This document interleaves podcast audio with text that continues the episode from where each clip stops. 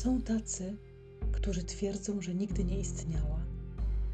A przecież między dwoma pniami suszyło się prześcieradło. Czyjeś dłonie musiały je tam rozwiesić. Wiatr wyginał je w żagiel, w namiot, w wyschnięte wzgórze. Weronika widziała te cuda, ale kiedy słońce dosuszyło ostatnie krople wody, zdjęła płótno bez wahania, zwinęła i ruszyła w kierunku domu. Drogą szedł tłum ludzi. Niektórzy stali z boku i patrzyli. Nad ich głowami przesuwały się trzy drewniane krzyże.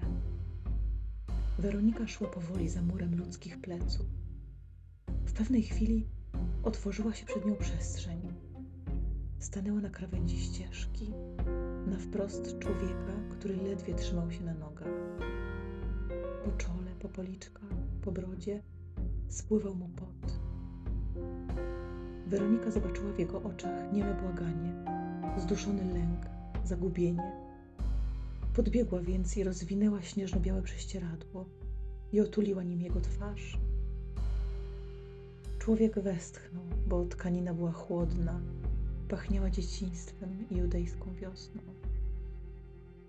Nadbiegli żołnierze, odepchnęli ją, orszak powędrował dalej. W chwili, kiedy upadała na ziemię, nie wiedziała jeszcze, że za dwa dni zyska imię i nieśmiertelność. Ludzie będą ją nazywać prawdziwy obraz, bo na świeżo upranym prześcieradle łzy, poc i krew ułożyły się w twarz mężczyzny, który niósł krzyż, a który okaże się Zbawicielem. Ten biały skrawek płótna do końca czasów będzie naznaczony matowym bólem i złotym triumfem, tak jak żagle okrętów, pościel, płachta ołtarza, ślubny welon, obrus przy świątecznym stole.